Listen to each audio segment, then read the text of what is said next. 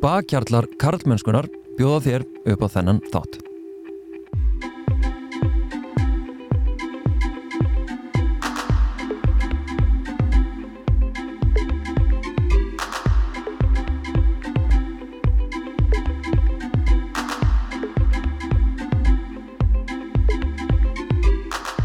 Guðmundur Jóhansson hefur verið tíður gestur í morgunútvarpi Rásar 2 síðastliðina ár með innslugum tækni og stafræna heima og starfar uh, Guðmundur sem samskipta fullrúi hjá símanum en við ætlum að krifja stafræna heima með kynja glerónum. Velkomin Gummi. Takk fyrir. Er þetta ekki alltaf að kalla það Gummi annars? Jó, ég er kallað Gummi Jó. Mér heyrist allan alltaf í útvarpinu. Já, það er þannig. Gummi er komin hérna. Sko, mér fannst, sko, mér langaði að fá því hérna í spjall. Af því að hérna, þú ert náttúrulega í svona tæknigeira og hérna sem að við höfum heyrt úr tölvuleikja heiminum og annað að er svona doldið hvern fjandsamlegur og, og karlægur. En hins vegar hef ég tekið eftir því að, að þú sko notar þau og þú notar öll í staðið sem notar þeir og allir og menn Já, þetta getur ekki verið neitt annað heldur en mjög meðvitað og markvist hjá þér eða hvað þetta er mjög meðvitað. Ok. Og þegar ég byrjaði að fara í útvarpið að tala, sagði ég eins og bara við erum fórhættar að gera, að segja allir Mm. Já, þeir hjá já. Google eða þeir hjá Apple, einhvað. Það er bara þannig.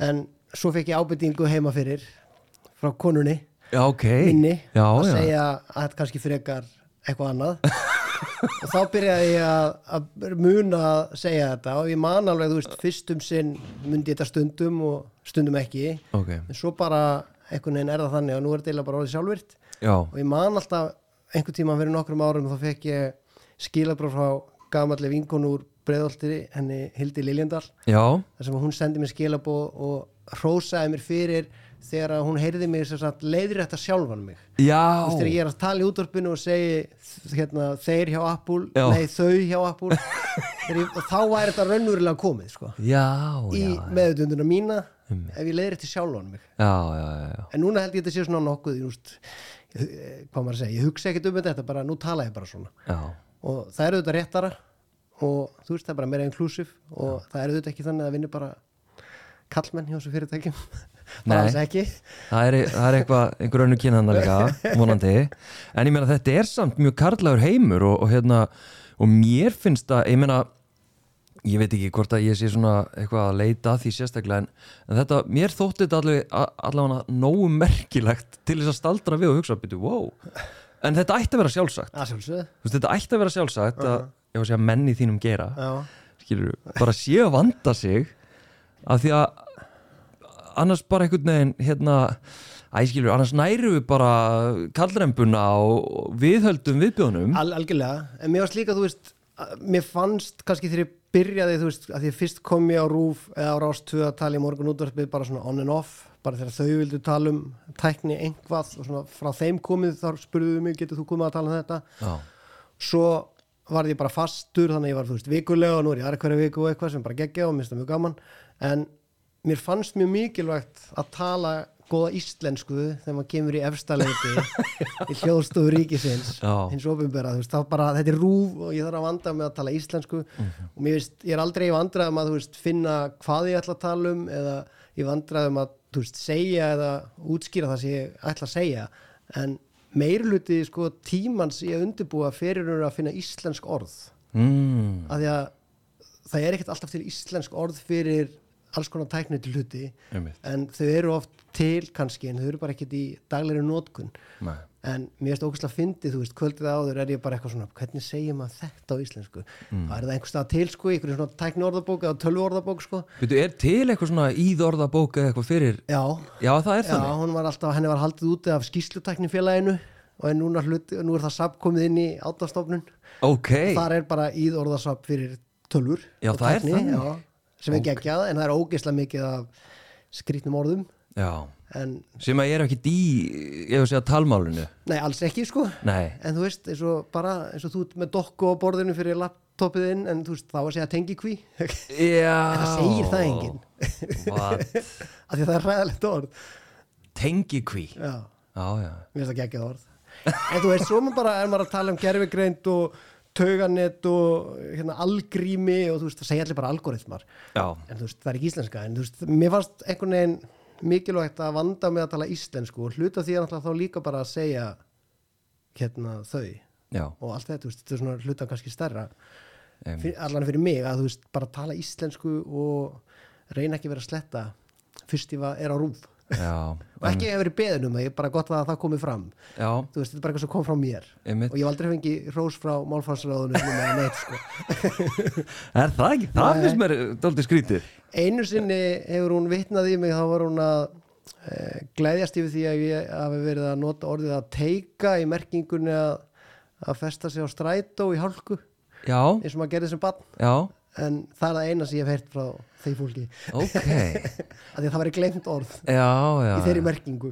Einmitt. Að því að börn blessunlega eru kannski ekki mikið að hanga aftan í strætisögnum í það Nei, volítið þetta Já, ég held það ég vona það. Já, en sko, einmitt, talandum, mér langar á eftir að fara aðeins inn í algrímið eða algoritman Já. uh, en, en hérna að þú talar um að undirbúa innslöginni, ég meina þú kemur og það er fyrirfram ákveð, þú mætir ekki bara í stúdíu jæja, hvað er að frétta? Og hérna svo bara spurja þau þig að einhverju, þú ert að koma með agenda, getur við sagt. Já.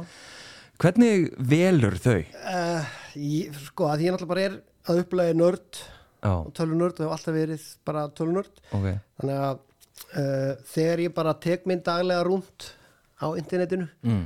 að þú veist að lesa hverjar teknisíður eða Twitter eða Reddit eða bara hvar sem er eða hlusta podcast eða eitthvað já, og bara ég hjá mér þannig ég á svona langan lista bara já, já, svo kannski er eitthvað current og þá kannski tala maður um það eða þú veist, svo er kannski bara rólegt þá þá maður að fara í búkmörklistan sinn og já, finna eitthvað bara, þú veist, eitthvað allt annað og Einmitt. svo kannski reynir maður þú veist, ég, þú veist, það er engin rítstjórn á þessu ég svona, hef bara mjög frjálsar hendur. Það gerist örsjaldan að þau komi hugmyndi eða tillögu. Ok, annars er þetta bara, þú veist, í mínum höndum. Uh, þannig að ég reynir nú frekar bara að hafa þetta fjölbreytt Mhm. skemmtilegt eins og ég get á, þú veist, þriðdagsmótnum klukkan hálf nýju það er maður ekkert alltaf ferskasti besta útgáðan á sjálfur sér, sko Nei, en þú ert samt sko, mér, ég er alltaf þegar ég heyri þér. Já, ég, er, ég, ég stundum í bílnum á, á leiðinni í leikskólan með dóttir mína og, og ég býð spenntur. Mér finnst þetta, Ok. kannski er ég svona nörd núna sko, ég veit það ekki, en mér finnst það ótrúlega áhört, en líka bara mér finnst þú með svo skemmtilegan taland og skemmtilega rödd og Já. það skiptir líka máli. ég held sé ekki með bestu útgáðsröddina, sko Jú, hún er, hún er uník ég, rödd. ég held að það sé málið, hún Já. er uník sko, ég held að algjörlega, en hérna þú veist ég er alltaf bara að reyna að vera hress og skemmtilegur og umfram allt bara ég sjálfur Já. og ég er aldrei með handrit, Nei, geta kemur bara úr mér.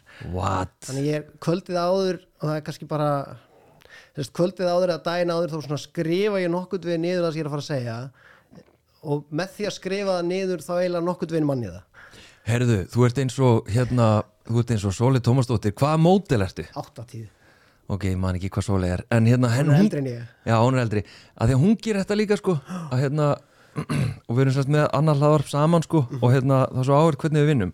Ég er svona vill bara stikla á punktum ég vil bara eitt orð en hún skrifar sko málskrein alveg. Já.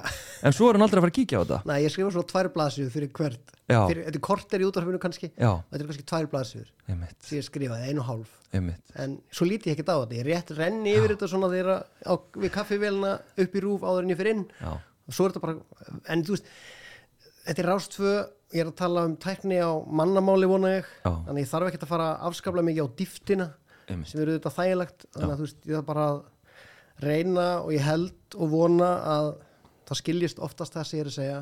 En þú veist, ég veit ég tala oft stundum og hratt en það er bara mér er eðlislegt að tala mjög hratt Já, þannig að ég þarf svona að reyna að hérna, tóna mig niður. Já, og minn helsti gaggreinandi sem er móðu mín hún segir ef ég er að tala hratt. Því hún hlustar alltaf. Æ, já, já, það er samt geggjað. En hvaðan kemur þessi, ef að segja, fúsleiki og, og vilji og ásetningur um ekki bara að vanda orðalagið þitt og vera inclusive og, og allt þetta, heldur þessi sko fúsleiki og ásetningur um meðvitundina sjálfa, af því að eins og lýsir, ég held að það hefði byrjað hvað 2016 þá út frá tölvuleikjum? Já, ég byrjaði sérst, fyrst til ég kom þá vorum við að tala um að KSI hefði ekki vilja verið í FIFA það árið. Ok, og það snerist um peninga þau vildu fá svo mikið borgað því að Ísland var alltaf mikið, alltaf einu orðið svo mikið stórveldi í já. uh, og þá fór ég bara inn að tala um það og var bara að reynda að vera léttur og skemmtilegur og þannig kom ég aftur og aftur og aftur þannig til þau báða mig bara að vera alltaf. Já, já. veist, en ég veit ekki fúsleikin hvað, ég, svona er ég bara. Ok, veist, ég er, vil ekki hafa neitt rembingin einu og bara reyna að vera þú veist, maður á kannski ekki að vera að tala um sjálfa sig í svona þú veist, ég er bara að vera heiðalegur og koma til dyranir sem ég er klættur, svona er ég bara. Ég tala of hratt, ég tala hátt. Ég tala ógeðslega mikið. Það er örugglega- allir kennara sem ég haft um æfina segja ég tala of mikið. Það er bara þannig. Og ég er bara, þú veist, ég er yngstur hérna, þryggja bræðra, þeir eru fjórum og fimm árum eldri en ég. Og þú veist, á líflífu heimili í breiðolti, þá held ég bara að þú veist, ég hef bara þurft að tala hátt og tala mikið til að komast að sko, því að þeir tala líka mikið þeir tala líka hátt. Þú veist, þetta er bara svona hef ég bara mótast sko. en svo hef ég bara þú veist, mér finnst það er svona tvö motto í lífinu og þú veist, það er auðvöld að segja þetta en þú veist, maður þarf auðvitað alltaf að reyna að lifa eftir þeim, finnst mér og það er að, þú veist, þetta klassíska ekki vera fáiði og bara vera að reyna að vera næskur og hérna, svo er það að pyrra sig ekki af hlutum sem ég hef ekki stjórn á. Já, og ég held að slík hugsun búi til jafnækið ég nenni ekkit volega mikið að þú veist, auðvitað ger ég það skilur við, ég get alveg sagt á, þegar það er einhver verið að segja eitthvað í fréttunum get ég alveg öskrað á það þessi, þvæla, en þú veist, eðlega ég er bara mannlegur, en þú veist, mér finnst mjög mikilvægt að muna svona einhvers staðar aftast í hausnum að ég ekki vera að pyrja maður því sem ég hef enga stjórn á. Mm -hmm. að ég, það mun engu breyta og það lagar ekki neitt. Auðvitað er gott stundum að venda eða þú veist, fá útrás og pyr, á pyrringi en mér finnst þetta held ég svona skapa þú veist, ég er bara með nokkuð gott jafnægi og ég verð sjaldan þú veist, ég get alveg verið pyrraður en ég verið aldrei reyður eða þú veist, þannig. Þú veist, að því bara svona þú veist, ístrúið bara. Já, já ég hef mjög oft alveg brjálaður yfir einhverju sem að ég hef enga stjórn á eins og einhverjum kallrempum og, og eitthvað svona. En mér finnst bara áhugavert, mér finnst þetta í alveg ótrúlega áhugavert að hérna uh, af því að þú ert í þessum geira og ég mynda mér að þú hérna sért í þá einhverju svona tölvuleikja kreðsu og, og ég mitt vinnur í tækningeiranum sem er vandanlega karlægur og, og það er svo auðvelt uh, að samlagast menningunni. Og bara prömpulíktin er allt í kringum hann og þú veist og maður bara fer að reka við í sarpinn og, Já. og, þú og verður bara einn af strákonum og þú veist, þessar kettlinga geta ekki hætt þessu væli og óþólandi þetta kynsegin lið og þú æskilur þetta bara? Að hérna þú veist, hvernig sko fótar þið ég meina, ok, ég ætla að fara aðeins lengra með þetta. Þegar, þegar ég er í einhverjum aðstæðum þar sem er svona þessi kalla kalla orka mér líður líkamlega illa svona sérstaklega eftir því, því meira sem ég læri og sé og, og allt þetta. Já. þá bara þetta, þú veist, mér líður líkamlega illa í svona aðstæðum. Skilur, hvað hvað erst á skalanum að bara vera að styrlast og líða illa og síðan að samlagast? Ég myndi segja, þú veist, þetta er vegferð. Já, þú veist, ég, ég er búin að vinna alla æfi í þessum gera Já. ég þekki ekkert annað en að vera í ykkur upplýsingartækni gera ok. Þannig að veist, hann er mjög kallæður og hann var náttúrulega karlægari en sem betur fyrir er þetta hæ- hægt og rólega að breytast. Uh, auðvitað var ég samdöina þessu öllu og er á vissan hátt enn en ég og bara fólk almennt sem betur fyrir svona í kringum hann er þú veist miklu meðvitaðara um að ákveðin hegðun á ekki að líðast ákveðin hegðun er ekki lægi og mér finnst það líka kannski að breyst að fó- fólk kallar það alveg, þú veist, segir þú veist, það á ekki tala svona. Ok, finnst þér þetta í alvörunni? Já, já, já. Eða bara stendur upp og fer? Já, eða bara ég nenni ekki að hlusta á þetta og bara lappar frá kaffivélinni af því að það er eitthvað kalla kalla orka. Ok. En þú veist, en svo er þú veist, vinnustæðar eru náttúrulega bara mismunandi eftir stærð og, og þú veist, þú veist, vinnustæðar menning og allt þetta þú veist, það er veist, blessunlega hef ég uh, þú veist, ekki verið mikið veist, í þannig rýmum það sem við bara kallar. Það hefur verið blandaðar hópar. Þá er orkan bara öðruvísi og veist, talandin öðruvísi. En þú veist, þessi geiri og þá er ég bara að tala um bara tæknigeirin bara allur, ekkert bara fjarskiptageirin eða eitthvað svoleiðis, þú veist, það er mjög kallahu geiri og þú veist hvað maður að segja þú veist, síðast þegar ég vissi og það er ekki langt síni skoðaði það þá var tækningirinn í bandaríkjunum sagt með færri hérna, sagt, það var meiri hlutin karlar og meðaltalið á tækningirinn var lægra en almennt á bandarísku vinnumarkaði. Þannig að þessi fyrirtæki sem maður hugsaður um þessi risastóru tæknifyrirtæki sem maður, maður telur vera leiðandi á svo mörgum sviðum og þau eru að gera svo gott og þau eru svo mikla peninga að breyta heiminum þau eru bara eftirbátar. Að hvaða leiti? Að þau eru fær, þau hugsaður um kynjahlutvöld Já, já, já að þau eru lægri þar heldur en almennur vinnumarkar í Ameríku. Já, já, já, fatt það sem að mann finnst fárálegt og maður myndi aldrei giska á það. Að það veri færri hérna, sem sagt, konur eða að, önnur að vinna hjá Google og Apple og Microsoft og Meta og Amazon heldur en á almennt á bandarísku vinnumarkaði. Maður myndi halda að þetta væri fyrirtæki sem ætti að reyna að vera leiðandi þau tala oft þannig. Já, þú veist, og klálega hafa þau verið alls konar þú veist, átökum og eða, þú veist, gert ykkur svona veist, rassjur reyna að laga þetta. Og maður sér, þú veist, Google sem dæmi þú veist, þau hafa svona reynt að uh, fjölga sérst að því að fjölga konum í tæknistörfum. Já, og þú veist, þar er kannski svona raunverulega tækifæri að þú veist í gegnum tíðin hafa konur oft verið bara að leiða söluteimi eða verkefnastofur eða almannatengsl eða markanstarf ekki í, þú veist, bara nýtt í gritt í lúðaskapnum. Nei. En það kannski ekkert heillandi staður var ekki heillandi og er kannski einhver staðar ekki en þú veist það er sem betur fyrir að breyta en þú veist það er fullt af þú veist í gamla gamla dag var forritun talið kvennastarf af því að hérna var bara ekki nú merkilegt starf Já, að þetta var svo bara mikill gagnaðanslátur þú veist bara endalast að stimplin, stimplin, stimplin, stimplin, stimplin í eitthvað gamaldags mainframe kerfi það voru bara konur látna að gera það. Kallanir hafa ekki verið að gera það. Einmitt. fyrsti forritur henni í heiminu var kona. Ok. Þú veist það var Ada Lovelace átjándur eitthvað, ekki búið að finna upp töluna en hún forritaði. Ok. Þú veist og það eru þú veist það er fullt af konum og hún fikk aldrei þú veist kredit fyrir en miklu miklu miklu setna Já, og já. það er fullt af konum sem bara raunverulega hafa breytt heiminum í tekni geiranum Mm. en margar þeirra fengi ekkit kredit fyrir miklu miklu setna sem þetta galið. En einhver gallagall stál kreditinu. Svona eins og við gerum bara. En, en hérna, ok, talandi sko um einmitt karlagnina og ég, veist, ég veit það svo sem alveg og ég, ætla, ég vona þau sem er að hlusta sko skilji það líka að að það er ekki sjálf gefið að þar sem er mikið að köllum að þar sé kallremba. Nei, veist, það þarf ekki að vera þannig. Og hérna, ég meina þú veist, og ég held að við kannski séum bara ágætt dæmi um að, að kallar geta alveg verið ágættir og, hérna, og vanda sig og vilja vanda sig og, hérna, og allt þetta. Þannig að það er ekki sjálfgefið en hins vegar er það kannski ef að segja uh, það er hættara við það sem einsleitnin bara almennt er meiri og sérstaklega ef að kallarnir er meiri hluta eins og í taknigeranum að það verði til bæði menning og þá vendilega afurð, ég meina veist, allir þessi risar eru bara búa til hérna, heimin okkar. Uh heimurinn okkar er bara í gegnum samfélagsmiðlana í gegnum tölvurnar, tæknina gerfugreindina, þú veist þetta, er, þetta er bara að fara að vera meiri hluti af hérna, skilur, þetta er að fara að vera meira ráðandi yfir lífum okkar heldur en það er í dag.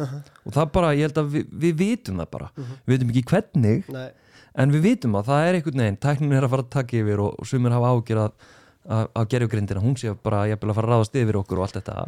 Já, já, ég meina þú veist, gerfugreind, það er ógeðslega mikið talað um gerfugreind, sérstaklega núna og sérstaklega kannski eftir að chat GTP, þú veist, var opið. Já. og þú veist, það er, það er þannig að, þú veist, með alla gerfugreind að hún er bæjast og hún er bæjast að því að hún er búin til af einhverjum, þannig að ómeðvitað munu mögulega skoðanir eða einhver hérna, sín viðkomandi blæða inn í gerfugreindina Já, það er bara staðrind og hvernig stjórnum við því, ég veit það ekki hvernig lögum við það?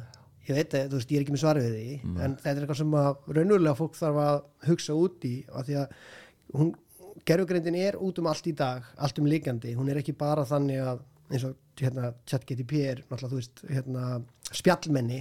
Framtíð gerfugreindar eða nútíð gerfugreindar er ekki spjallmenni. Mm. framtíðin er ekki að við séum bara pikka inn og fá svar tilbaka hún á bara að vera hérna, það sem kallast ambient computing eða bara tæknin bara er mm. hún bara gerir hlutin og græjar hlutin áður en við, bið, við þurfum ekki svona að byggja um það, hún bara veit það. Já, veist, þannig að þú veist, og gerfugreindin er allstar á þess að við föttum það, þú veist, það er gerfugreind að segja okkur á Netflix hvað um að hérna, horfa á næst, það er gerfugreind á Spotify að mæla með efni, það er gerfugreind á YouTube og minna, eini tilgangur allar þessar gerfugreindar er bara að halda okkur efnið og ekki, ekki hætta, hlustaðu og horfðu neittu efninsins, þú veist, það er tilgangurinn. En þú veist, gerfugreindin er samt þannig að hún, og það er þessu mörg dæmi þar sem að hérna bæ, bæjast, já, eða svo veist, hvernig hún hvernig sín gerfugreindarinn er skökk Mm. að því að það er búið að hérna, bara það gleymist í raun og vera að hugsa um að heimurinn er ekki einfaldur eða einsleitur já, og þú getur ekki að því að gerfugrein náttúrulega byggist af því hún þarf að læra einhvað þú þarf að þjálfa hana með gögnum og, og endalegu magni á gögnum Mhm. en það þýðir ekki bara að kenninni uh, sögu kvítamannsins eða ef hún á að læra eitthvað tauganett á að hérna, fá 10.000, 100.000 miljón myndir af einhverju og læra hvað er á þessu myndum. Það þýðir ekki bara að setja inn myndir af hvítu fólki. Mhm. og þú veist, allt þetta. Mm því að þá, þá er hún bara að gleyma ótrúlega miklu. Já. og eða bara hvítum kallmönnum þú veist, í primulóttúrpum, það er bara ekkert í bóði þú veist, hvað hva, hva, hva heldur gerfgreitin þá um okkur? Já. en þú veist, og það er svo margt í þessu og þú veist, og svo margar sögur það sem að hérna, fyrir mörgum mörgum áru síðan var hérna Google Photos að hérna,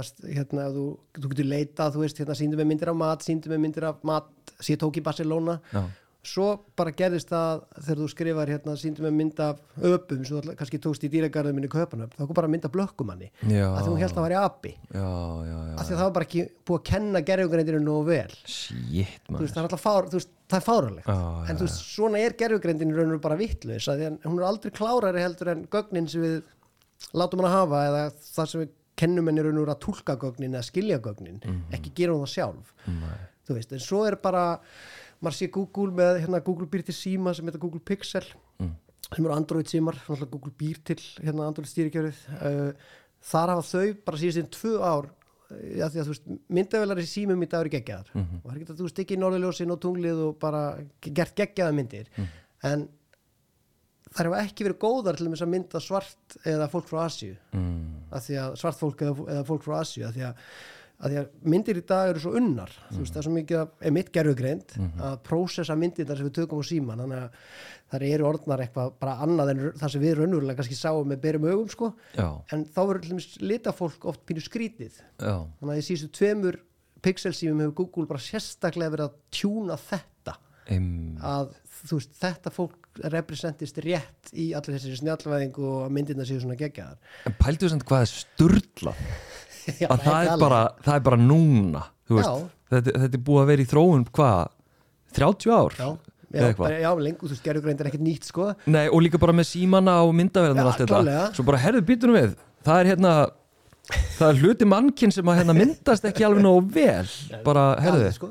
þetta er klikkað Já, sko. það er galið. En þú veist, blessunlega er þetta breytast En þú Já. veist, það er samt þannig að gerðugreindin er á endanum oftast bara það sem við upplifum hana dagstæla er hún bara tól stórfyrirtækja og í kapitalískum heimi. Þau eru ekki alltaf að nota gerðugreindin alltaf breyta eða bjarga heiminum. Nei, þetta snýst svolítið um bara að halda okkur við efnið og ég meina bara horfa bara á TikTok og algrími þar sem er náttúrulega bara, þú veist, einhvers konar heroin sko. herðu, ok, það förum slítur ekki strengin sko. Nei, förum aðeins inn í, inn í TikTok og algrímið eða algoritman þar. Sko, fyrirbærið Andrew Tate. Já, náttúrulega bara hann sigrar algoritman á TikTok. Það er bara engi spurning, ég meina hefur skoðað það, ég hérna sko, ég ætla bara að fá það aðeins til þess að reyna að útskýra bara hvernig gerðist það að þessi fáránlegi maður með þessu ógeðslu viðþór og meiri segja okkar mestu kallrembur fyrir lítið Andrew Tate þú veist, það er bara þannig. Þannig að hann er alveg farinn þó að hérna, megnið af já, mjög margir svona ungi strákar í grunnskólum og framhaldsskólum hérna, sem sagt uh, horfa upp til hans, finnst hann bara nettur og eitthvað sem er galið. En allavega hann einhvern veginn sigrar algoritman með einhverju leiðum sem að mér langar að fá þið til þess að útskýra. En mér langar líka að bæta við að því að þegar hann var svona sigra algori, hérna, algoritman að þá og ég var eitthvað aðeins að fikra minn á TikTok þá tók ég eftir að það var einn gaur sem að hérna var semst að mótmæla þessum Andrew Tate og hann fór sömu leið og Andrew Tate til þess að komast inn í al, hérna, algrímið. Veistu hvað ég er að tala um? já, þetta var ótrúlega áhugavert. Já. en síðan hvarf hann bara Já, í burtu sko, hvort hann hætti eða eitthvað. En ég hætti að sjá hann, þú veist að ég sá Andrew Tate og svo sá ég alltaf svarið frá þessum gæja á móti þó hann hafi ekkert verið að reply á Andrew Tate eða eitthvað. Nei, nei, nei. En hann beitti einhverjum svipuðum aðferðum. Hérna bara hvað gerðist, Hva, hvernig, hvernig komist þú á þennan stað sko, gerf, það er ekki margt vitaður um algrímið hjá TikTok. Það er bara, það er lokað. Ok. en það er samt með einhverjum göldrum það heldur manni bara við efnið. Þú veist, það er mjög erfitt, þú átt döðastund og allar bara átt 5 mínútur. Já. það eru bara 20 mínútur allt í einu, þá þú veist af Já. út af engu, í raun og veru. Og þú veist, það er ekki svo að þetta sé besta content í heimi heldur, sko, Mhm. eða gæða content þú veist, það er engin óskarsvölun, sko. Þetta er bara já, þetta er bara drast content í raun og veru já en megnið. inn á milli er, að því er náttúrulega ótrúlega magn en inn á milli er einhverju demantar en þú veist, þetta snýst bara um það að, að láta okkur horfa og að fara ekki neitt annað app, þú veist, áriðið er svo mikið í dag það er svo, við höfum svo marga möguleika á afþrýingu og gerjugreindin þeirra og algrímið er bara að halda okkur við efnið. Og það náttúrulega notar hún alls konar breytur hún notar staðsetningu, hún notar kyn, aldur áhugamál og það er náttúrulega verið að trakka okkur út um allt á internetinu þannig að þau vita kannski einhvað um hvar við höfum verið annar staðar það er bara þannig stafrænum heimi því miður að þú veist, við erum varan og þessi fyrirtæki vita meira um okkur en okkur grunar sko. Þau vita bara allan fjandan þannig að með öllum þessum breytum uh, borið saman við allt annað fólk sem að appið veit um þá bara finnur hún út nokkund veginn með ágætis vissu bara virðist vera á TikTok sérstaklega hvað þú vilt sjá eða vilt ekki sjá. Og hún veit líka gerðugreindin að, eða algrímið að sagt, það eru ákveðin hlutir sem tryggjara þig. Það eru ákveðin hlutir sem kalla ákveðin viðbrögð. Og þ- hún sér það bara með kommentónum, hún sér hvað er að deila út fyrir það því að þú veist, fólk er að forvarta vídjón eitthvað áfram og allt þetta. Já, veist, það er bara þetta í raun og veru. Hún er ekkert, sérst, algrím er ekki að taka eitthvað sérstaka afstöðu til efnisins per se, eða hvað er verið að segja eða neitt svoleiðis en hún bara veit eða bara hvað fær okkur til að tikka. Já, já. Þú veist, það er bara þannig í raun og veru. En svo er það bara svo það sé sagt og bara minnst nöðslega það sé alltaf sagt þegar tala um algrými í TikTok að algrými í TikTok var eh, bara sem blessunlega er búið að breyta því en það var þannig lengi vel að það var ekki neitt fánaberi fullbreytileikans Já, og fólk af lituðum uppruna átti í meiri erfileikum að fara væral heldur en hvít fólk. Já, já. Samkynniðir, fatlaðir og það sem algrímið skilgrandi sem ljótt fólk. Já, ok. Það er bara erfiðar fyrir það fólk að fara væral. Vá, sem er náttúrulega galið. Já, en þú veist, bara þannig er það bara og það er ekkert bannað. Já. en okkur, við verðum bara að hafa okkur skoðun á því. En það er, virðist vera búið að breyta þessu en ok þetta var samt svona að, Þannig að þú ert farin að sjá meira ljótu fólki núna. Já, Segða það. Ég reyndar hef, ég hef svo mikið hérna óbeit á TikTok Já, og að, hérna, þetta er svo mikil upplýsingasöflun og svo finnst mér þetta bara svo ég er svona að reyna að vera þú veist, ég á tvær stelpur reyna að vera einhvers konar fyrirmynd sem er erfitt fyrir þú veist, tölvunörd og teknilúða en að sína smá svona hérna sína smá ábyrð í verki að þú veist, að ég er ekki að fara að liggja á TikTok heimi á mér þegar ég banna börnunum mínum að vera á TikTok. Já, hvað eru þar gamlar? herðu, eldri stelpa mín er í sjöndabæk Ok, og yngri er í fjórðabæk já, þannig að þú veist, þær eru það er hann að pre-teen og svo bara eitt bann já, og þetta er náttúrulega bara slagur alla daga og ég get bara sag, þú veist, ég skal bara segja það þú veist, ég er mjög leiðilegur og hún segir oft bara eiginlega bara með hálfparti með grátstafin í kverkunum að hún þól ekki að eiga pappa sem kann svona mikið á dót já, og tölur og tæki og er að spá í þessu öllu.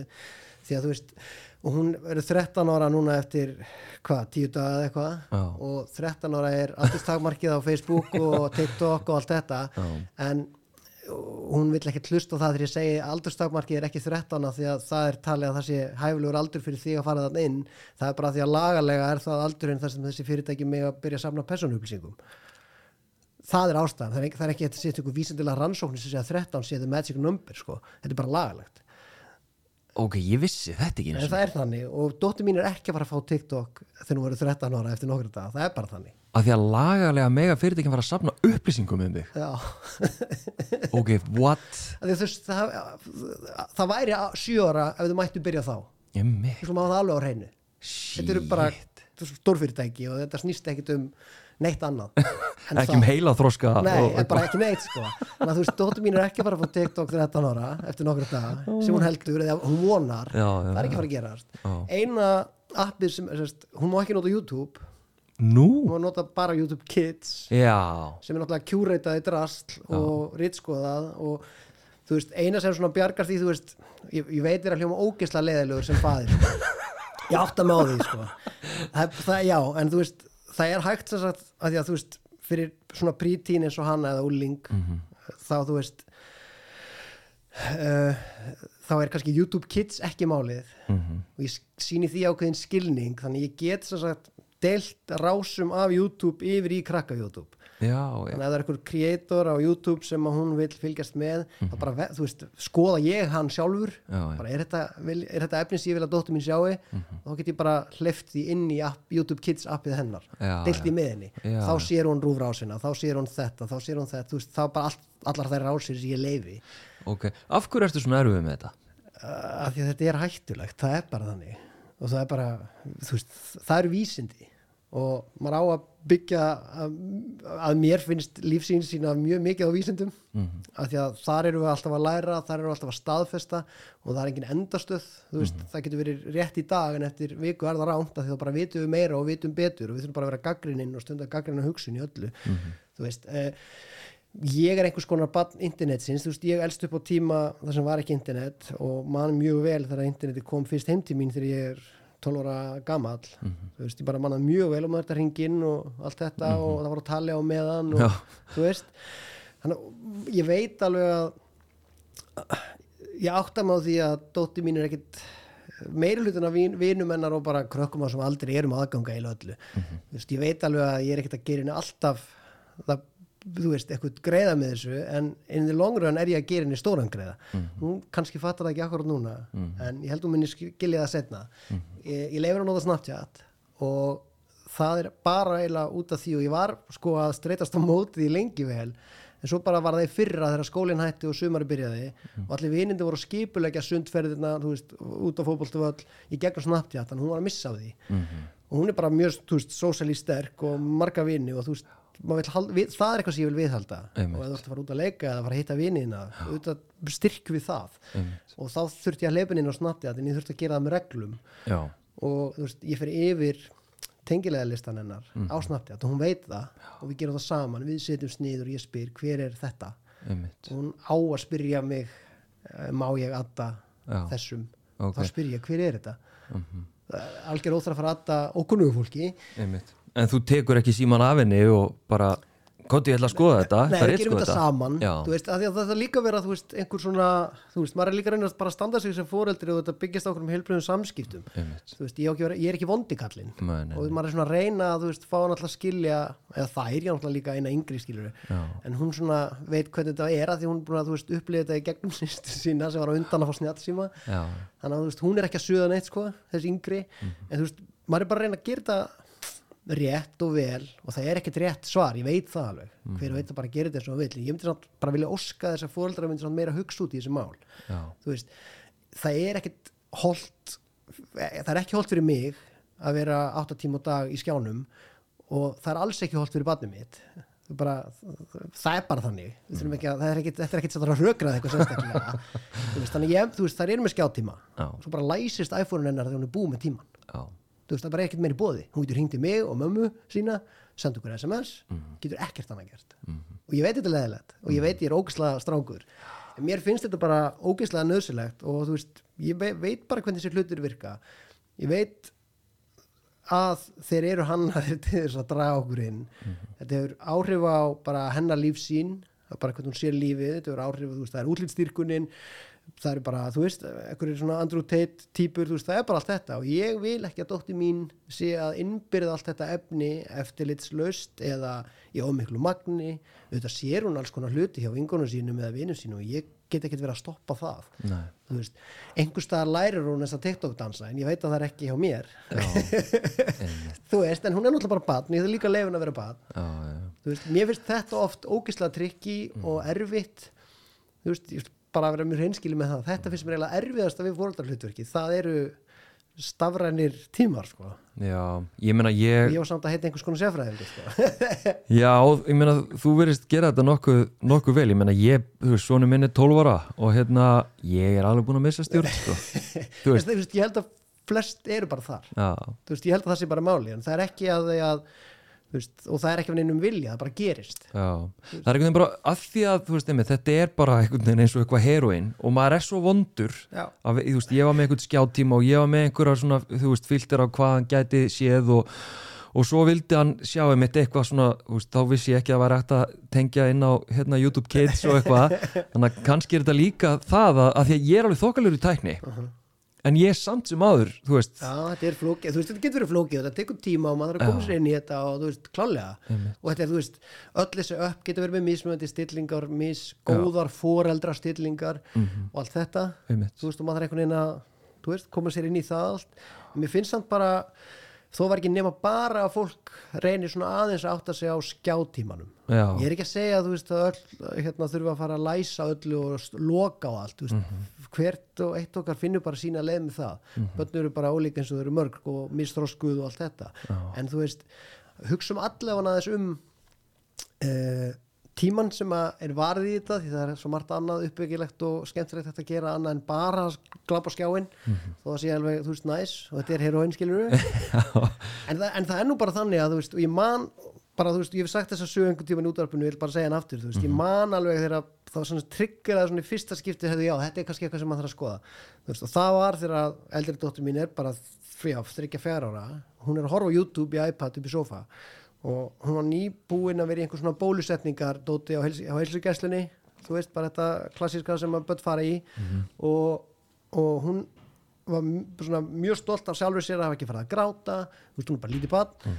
Uh, og hún er að horfa á YouTube á það sem er verið að bólusetja önnur börn. Ok. Þú veist, að upplifa aftur þessi fór að gráta, þessi fór ekki að gráta þú veist, þetta, hann fannst þetta bara mjög áhugaverð svo er ég bara eitthvað inn í eldhúsi að vesinarskiluru, svo heyri ég bara þvílík öskur úr iPadinu þar sem að, að ég held að dóttur mín væri að horfa á bólusetninga með bönd Ok. að bönnum hjá lækni, eða bönnum í læknis heimsókn og þá er YouTube náttúrulega bara alltaf að íta og íta og íta, skilur aðein efni, aðein efni, næsta, næsta, næsta, næsta því hún á alls ekki að fara eitthvað annað. Já, þú veist, þannig er þetta hannað þá er hún sagt komin í vídeo þar sem er þessi ótrúlega öskur þar sem er, sagt, er upptaka uh, frá trúaratöp gýðinga þar sem er verið að umskera lítinn dreng.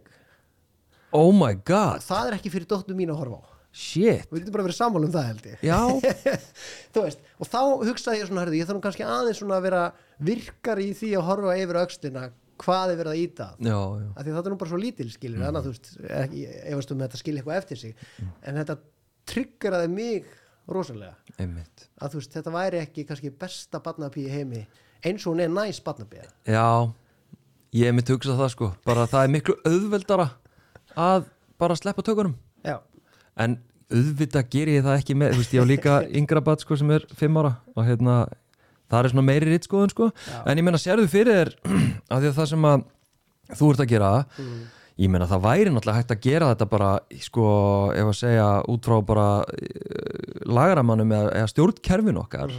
Sko, myndir vilja kalla eftir því?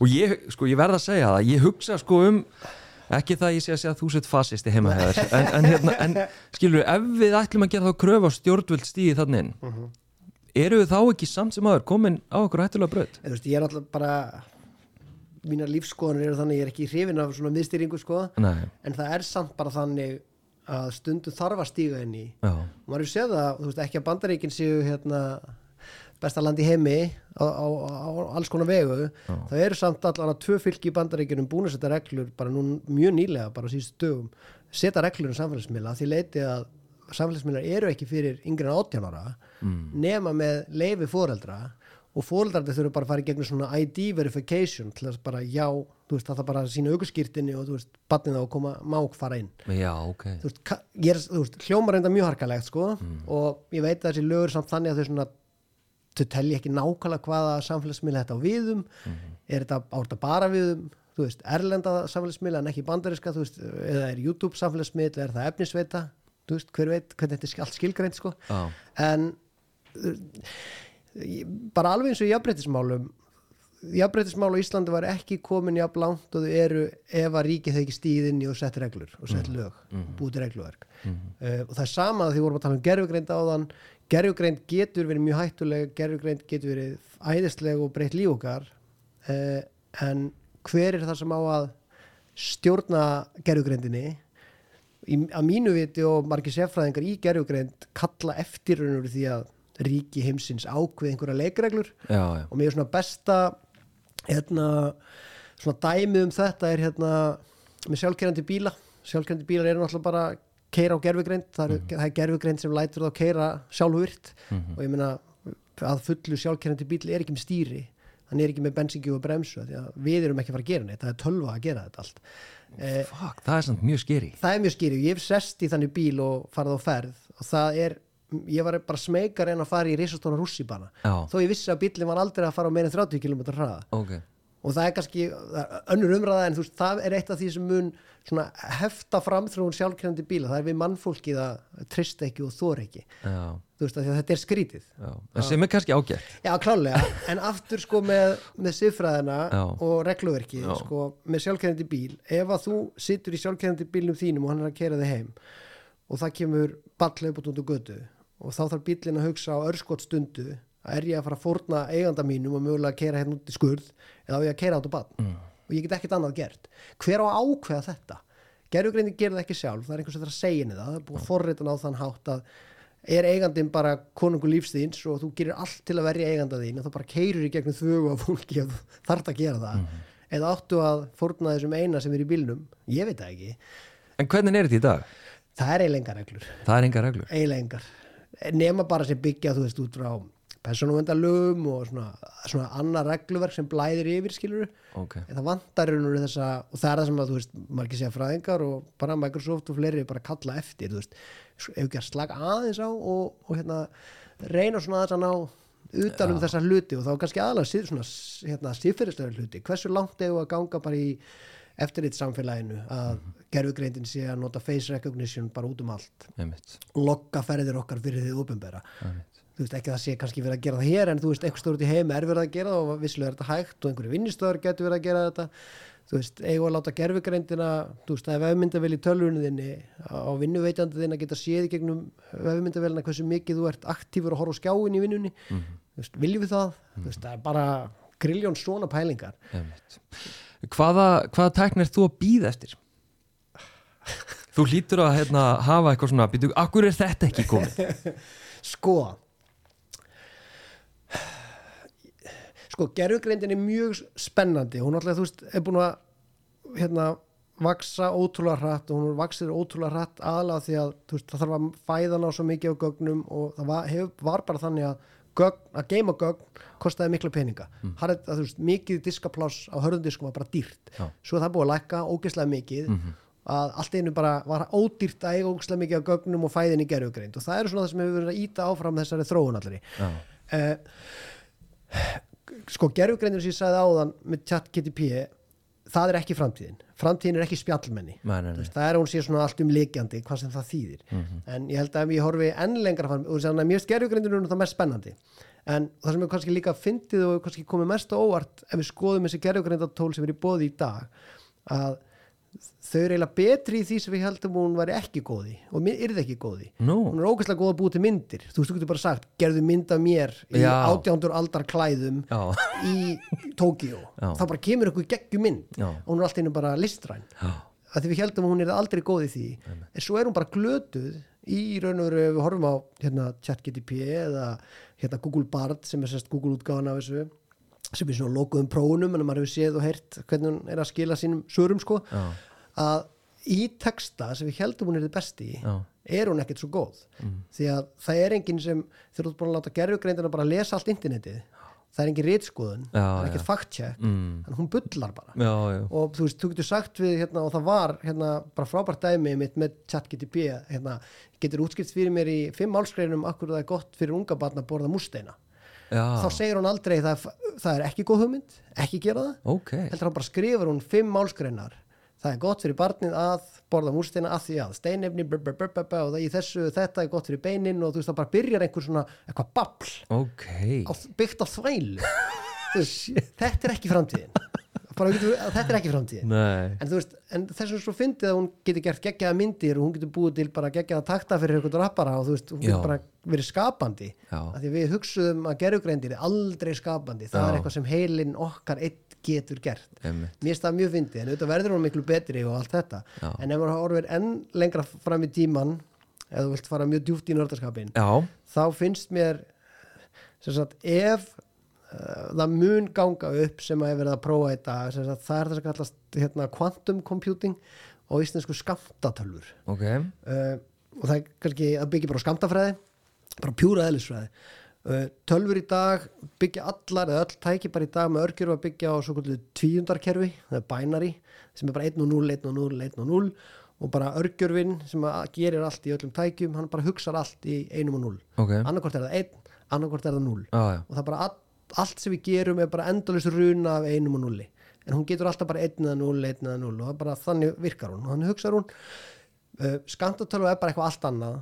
Og eins og ég segi, byggir bara á eðlisfræði. Og hún hugsar ekki eins og venlega tölvur. Þannig að það sem hún getur gert er að á manna, ef maður reynir einhvern veginn að sjóða þetta niður að sem sagt, venjulega tölva er bara 1 eða 0, skamtatölva getur verið 1, 0 og einhvers staðar hann á milli. Ok. Þannig að reikni getan sko markvaldast markvaldast í sko já, og það þýðir að ef þetta gengur allt upp og þetta þú veist tæknilega síðan virkar sem er það sem er verið að hérna sannreina í dag, þetta er alltaf byggt á okkur kenningum og það þarf bara að sína fram á þetta virki og það er búið að gera eitt og annað. Þú veist hérna einn skamtatölva sem er veist, Google og IBM eru svona leiðandi í þessu í og veru heiminum og svo okkur háskólar kannski.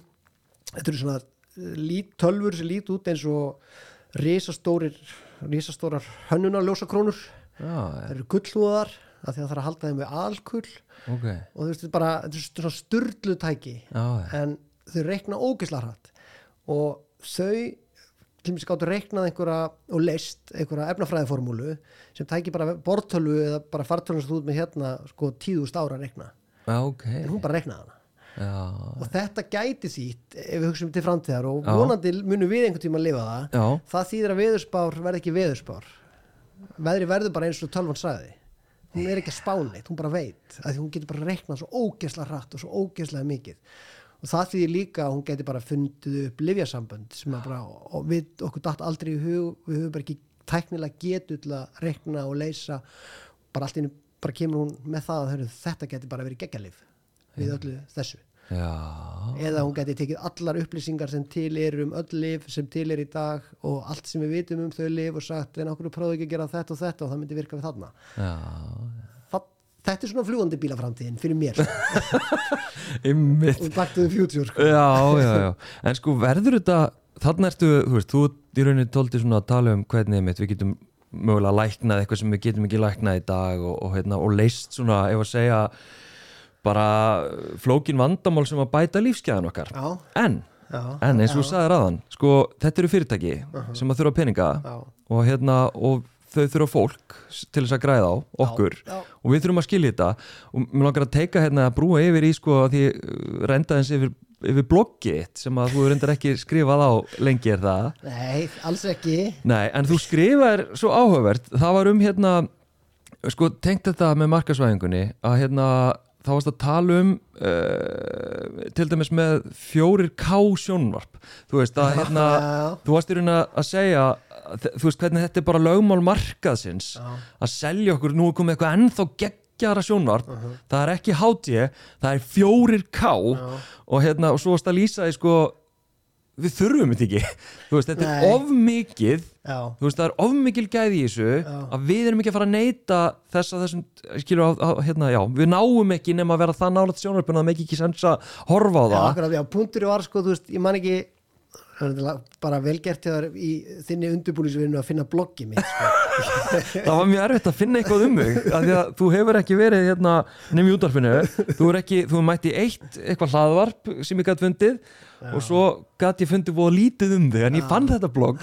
En mér fannst þetta bara áhugaður, vingil sko. Já, þetta er alveg rétt, sko, punkturinn er sem sagt þarna er að, sem sagt, ef ég er með 55 tóma sjónvarp, þá þarf ég að sita rosalega nálægt því svo augun okkar bara fræðilega sjáu munin á full HD og 4K. einmitt, Þannig að, og ekkert okkar situr, ég man ekki hvað þetta var, þú veist, landsinni skrifaði þetta, en veist, þetta er kannski bara 1,1 meter, já, svo þarf þetta að sita fyrir 55 tómi tæki. já, Þannig að fyrir venlegt fólk í venlegri stofu, þá myndu aldrei sjá þetta. einmitt. Þannig að þú þarf þetta risastórt sjónvarp þannig að þú ætlar að sitja í sófarðinum og þú getur sagt, vá, sjáðu munin raunverulega ætla að segja það Einmitt. að því að augur þín annars sjá það ekki. Einmitt. og ég meina sjónvarsframleiðendur er bara mjög, gott dæmi um markasæðingu og hvernig tæknin að því þú veist, tækniframleiðendur þau eru öll að hugsa það sama.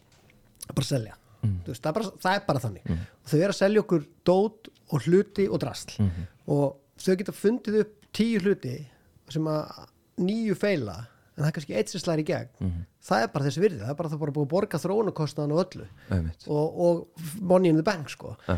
en sjónstæki er eiginlega svona besta dæmi finnst mér ofta svona tala einmitt um þennan vingila því að það var hérna þau verður bara, þú veist, úr túbusjórbúnum þú veist, þau þróðust klálega yfir í sem var góð breyting að verða plasmatæki og hérna LCD-tæki skilur, bara þinri og allt þetta og gæðin klálega meirið, þú veist, það var raunurulegt svo byrjaði öll vitleisar, svo kom bara 3D sjónvörp, Já. getur ekki svona keift svoleiðis í dag, Nei. var einhver að nota það? Nei, það var engin að nota það. Svo kom fjögá og svo er núna hérna, svo komu hérna svona körft sjónvörp, Já. svona beigð í dag er tæknin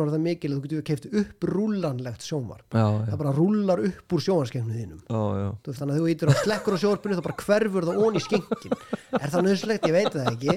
Þú veist, núna er það 8K og svo verður það bara 9K eða þú veist, svo bara spíratast þetta áfram í endalusri vitleysu og við bara hlaupandi í hamstarhjóli sko. Já, og þannig ertu í raun að segja að sko það er verið að búa til eitthvað, við þurfum þetta ekki. Þetta er tilgangslaust, þetta er markaðstryggs já, en eða, sko, þú, já, þetta er markastriks en klálega ef þú kaupir nógu stórt sjónvarp eða situr nú í Já, þá er þetta geggjað. Já, ég, Þa- þetta er fjóri sinni meiri upplösn og auðvitað er það geggjað.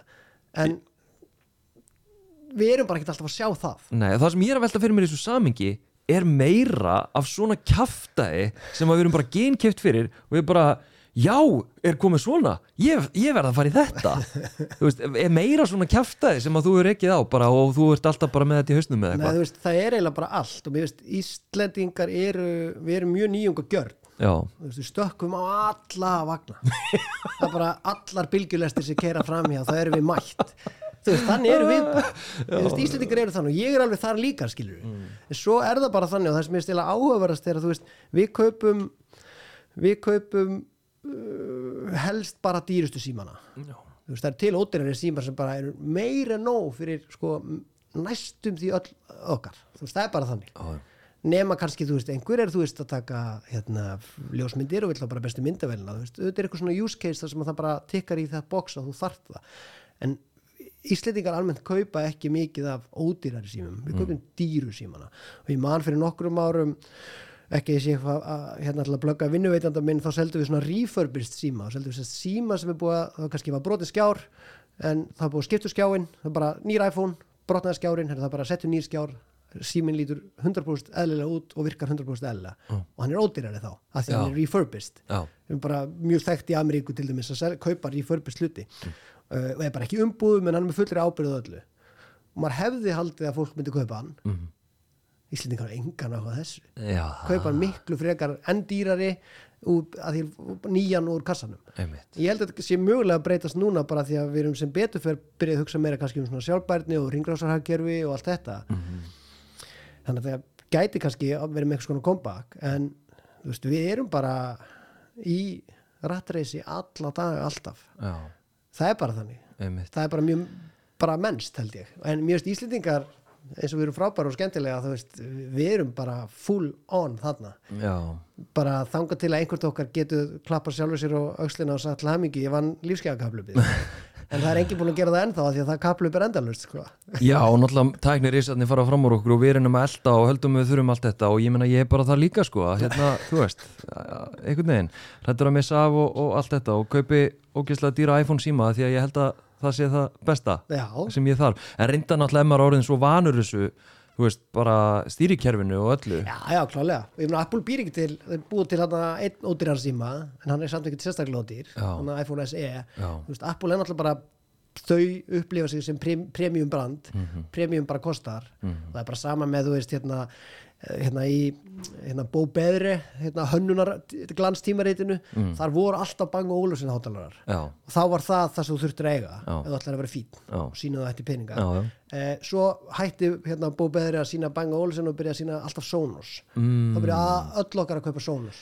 Er það djóka, er það ástæðan fyrir ég á Sonos heima ja, með? ég er líka á Sonos, en Sonos er þetta geggjaða græður en Sonos er líka svona eins og Apple bara premium brand, það kostar peninga. En þú veist, svo getur maður þú veist, ég þú veist, elska svona dót og ef ég mætti ráða myndi ég kaupa miklu meira dót en ég geri Já. en bara það er erfitt þú veist, ég er svona nokkuð djúpur í snjallvæðingu heimilis mm. en, en með alla tækni þá er eitthvað sem heitir svona wife acceptance test Hvað er það? að kona mín samþykki Já, hlutin, ekki út frá sko að, að ég hef ekki efna á honum heldur bara þú veist, þetta er ljótt Já, þetta er ekki að koma inn á heimili mitt. Hún, hún stjórnar því og ég bara virði það. Hún býr til kósi og fallegt heimili fyrir okkur þannig ég þarf að sína henni skilning og virðingu á, á þann hlut. En þú veist, það, ég get, er ekki að kaupa hvað sem er. Og þú veist, Sonos er bara gott dæmi um bara vöru sem er falleg hún er hérna, vel hönnuð en hún er líka svona nokkuð future proof varðandi bara eiginleika tæknilega og hljómgæði og annað. Þannig að maður er ekki bara að kaupa drasl sko. Þú en, og ég held að við eigum bara öll að þú veist ekki ég sé einhver hérna, fánaberi þess en þú veist kaupa bara og ég þá sérstaklega við um tækniluti og dót að kaupa kannski aðeins dýrari hlut en heldur alltaf þann ódýrasta því það ertu oftast að fá betra tæki. Og ég myndi ekki setja hvað sem er og snjall væða heima hjá mér að því bara, ég myndi ekki endilega kaupa ódýrustu eftirlitsmyndavélina já. Að því að hún er bara líklegri til að fá aldrei aftur uppfærslur og þá er hún bara einhvers konar veikleiki fyrir heimilum mitt sko, hver sem er geta að fara inn á myndavélina mína þú veist maður þarf stundum að ekkert stundum, maður á alltaf að nota gaggrina hugsun í öllum svona kaupum finnst mér og bara notum internetið og rannsökum það sem við erum að fara að kaupa og lesum dóma og þú veist, einhver okkar kannski vilja spá í, þú veist, hérna bara orðspor fyrirtækisins út frá sjálfbærni eða, þú veist, jafnbretti eða bara alla þess, þeirra hluta og þú veist, við höfum bara vera svona, svona ábyrgari neytendur en ekki alltaf bara kaupa, kaupa, kaupa já, já. og ekki að ég sé einhver, þú veist, talsmaður hérna ringrástar haggerfisins eða neitt en þú veist, mér finnst það bara svona ábyrgt aðeins svona þú veist, ég er ekki með moltu heimi á mér eða þú veist, ég er ekki all in þarna en þú veist, ég sín, reynir samt að vanda mig þegar ég kemur að þessu og bara öllum þessum hlutum. Þú veist, ekki verið að kaupa hérna ómikið fast fashion og þú veist, og aftur ef við tala um dóttur mína sem myndi bara helst kaupa endalaust af einhverju drastli skilur einhverjum fötum sem bara verða strax ónýtt, þú veist, maður er svona að reyna einhvern veginn að stýra þessu og það er bara saman við um tæki og tóla mm -hmm. við erum ekki að kaupa hvað sem er og þú veist, það er alveg til sögur um, bara, þú veist, alvöru sögur um hérna, það sem að fólk eru að kaupa svona babymonitor heimdi sín. Já, þú veist, að fylgjast með ungabarninu sínu. Svo er allt einu bara einhver maður að tala við ungabarni í gegnum babymonitorin Einmitt. að þeir eru búin að hakka sig inn á hann. Að því fólk var að kaupa drastli, það var ekki að halda því uppfærðu eða, þú veist, það er flókið að lifa í stafrænum heimi. Já, já. sko, bara loka spurning hérna. Hérna, bara. Já, nei, það er bara mjög gott að fá þannig viðmælanda sko, sem bara randar og maður þarf ekki að pumpa það er virkilega gott. Hérna það sem við höfum öll áhyggjur af það er stóri gagnarleikin þegar hérna opnast á messendir spjöllin okkar og, og SMS-in og allt þetta Já. af hverju hefur það ekki gerst? að því að sko, sko Facebook og, eða Meta sem, sagt, sem er þá Facebook, Whatsapp og Instagram og Google uh, hafa allar upplýsingar heimsins um okkur eins og messenger skilabóðin, þú veist Google með ljósmyndir og Apple auðvitað líka með í iCloudinu allar ljósmyndirnar okkar þú veist, þær eru eh, margar í lægi að sjáist hvar sem er en margar bara alls ekki. Þú veist, út kannski bara með vít, öll vídjón úr einhverju fæðingu eða einhvað skilur, það er eitthvað sem þú vilt ekki að fara í. Þú veist, þetta byggir allt á trösti og ef einhvað gerist og tröst okkar til Google eða Meta eða Apple fer og þá sérstaklega við um Meta og að mínu viti Já. ef að tröst okkar á þeim dvínar eða sérstaklega verið fyrir svona stóru alvarlegu höggi eins og við mitt stóra gagnarleikanum Já, þá eru þau bara búin. Já. þá er ekki leið tilbaka Nei. fyrir þau. Uh, og sérstaklega náttúrulega meta sem að þú veist byggir all, allt sitt bara á að við notum miðlana þeirra, googlum svona þú veist dreifðara og hérna erum meira bara 95% að tekjur þeirra komið ekki um auðlýsingasölu já, og sama með meta ef að einhvað gerist sem að rýrir tröst okkar þá er þetta bara búið. Og það er ástæðan. Stóra ástæðan. Já, já. það hafa auðvitað orðið litlir meina, Cambridge Analytica málið hjá Facebook, veist, það er alveg til dæmi um litla gagnarleika uh, en engið er að nógu stór kannski til að rýra þetta traust. Uh, hvort það verði einhvern tímann stóri gagnarleikin who knows Ert þú að gera einhverja ráðstafanir? Eða þú veist, eins og hérna sum nota til dæmis einhver forrit, ég man ekki hvað það heita Signal eða svona í trúnaðaspjöll, já, svona það sem eru að uh, dulkóðu skilabóð já, eitthvað þannig. Já, signal eða telegram eða hvað þetta, nei, ég nota það nú ekki. Uh, ég nota bara messenger og veist, ég nota whatsapp og SMS þess að bara líka sko. já, uh, mér finnst svona mikilvægara og ég hef oft talað um þetta í útvarpinu það er sagt ábyrð okkar sem notenda við hefum ekki bara að setja allt tröst okkar á okkur elend stórfyrirtæki. Á- og ábyrð okkar er ótrúlega mikil bara sem uh, hérna, þegnar á internetinu að uh, nota, þú veist, ok, ég veit þetta er ókslega leðilegt en ég ætla samt að segja þetta. Hérna, við eigum að nota örygg líkilorð já, við eigum ekki að endur nýta líkilorð og nota sama líkilorð á mörgum stöðum.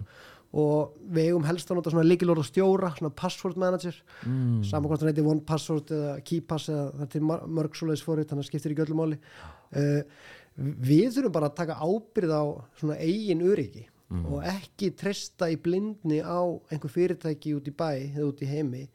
Og við eigum að nota tveggja þátt að auðkynningu eða svona two-factor authentication bara á öllum þjónustum sem við teljum mikilvæg, mikilvægar fyrir okkur. Og þú veist, þar ég er með svona leikilóra stjóra og tveggja þátt að auðkynningu og allt þetta, ég, veist, ég veit þetta er hraðahindrun til að byrja, ég veit þetta er stundum vesen, en þetta er bara algjörð þessi virði veist, fyrir mig, ef ég hugsa bara um svona mitt stafræna fótspor, það er ekkert mikilvægara fyrir mig heldur myndasafni mitt. Þú veist, ég á allar myndir sem ég hef nokkuð tíma tekið á síma ég á allar myndir sem ég hef einhver tíma tekið á stafræna myndavel ég á ógeðslega mikið, mikið af skönnum hérna, slætsmyndum sem pappi minn tók þegar ég var lítill. Þú veist, þetta er það allra mikilvægast eða, þú veist, lífskeið batna minna. Veist, þetta er það allra mikilvægast sem ég á í skíinu og ég þarf að passa upp á þetta. Ég á ekki að nota bara eitthvað heimst líkilorð eða sem að ég líka nota allstaðar annars þar því hvað gerist og þetta er bara, þú veist, svona bara er hérna raunurleikin hvað gerist ef að ég er að samnýta líkilorð og ég er bæði með það á hérna, myndasafninu mínu en ég er líka notað á okkur spjallborði út í heimi sem er bara að tala um sous-vide græjur eða eitthvað sem, er, veist, og þannig ég notaði bara mitt hérna, þegar ég stopnaði aðgangsvar þá bara setti ég líkilorðið mitt gamla góða hvað ef þetta spjallborð sem ég veit ekkert hver rekur eða hver ber ábyrð á þau lenda bara því að upplýsingarnar eru teknar þaðan, þaðan verður gagnalekin og hvað gera þessir óprútnu aðlar þeir náttúrulega taka netfangi mitt, þau taka líkilorðið mitt og þau munu not, reyna að prófa það allstar annar staðar sem þetta er í hug. Og einn af fyrstu stöðunum sem þau munu prófa er myndasafni mitt eða Facebooki mitt eða Gmaili mitt. Og við þurfum að passa upp á þetta. Auðvitað eru fyrirtækin að reyna að hjálpa okkur reyna að passa upp á okkur að því að þú veist aftur þau þurfa á trösti að halda. Þau vilja að við tröstum þeim. En við fjandinn hafa að við þurfum að ráða þessu. Já. og við þurfum að stjórna þessu. Þú notar ekki þá hérna Æ, maður fær alltaf svona hérna, uh, tillugu um strong password Not, Notar þú það? eða? En ég nota líkilorðastjóra að hann býr bara sjálfkrafa til strong password. Já, en ekki svona automatist í vefsíðunum. Það er bara sama. Líkilorðastjórin gerir bara nákvæmlega það það er bara annar gluggi. Já, já, en já. þú veist, ég mæli með að þú veist, gerum það. Bara ef það bara hendar fólki að láta bara Apple töluna sín eða iPhone síma gera það eða Google dótið sitt bara gerið það. Það er þá skárra heldur en að vera bara alltaf með eitthvað drast líkilorð sem þú notar allstaðar já.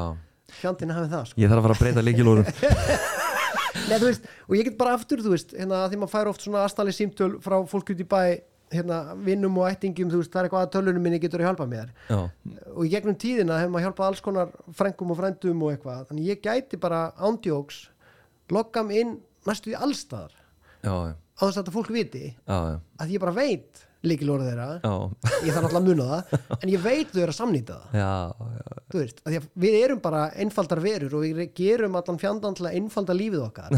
Eðlilega, við viljum bara að þetta sé næs. Já, en þarna finnst mér ef við höfum ekki að gefa neitt afslátt. Nei. Herri. erum ekki svo ekki Já, já, nú þurfum við alltaf að fara að uppfara hérna líkilórin sín. Uh, Guðmundur Jóhansson, takk kjalla fyrir spjallið. takk fyrir að bjóða mér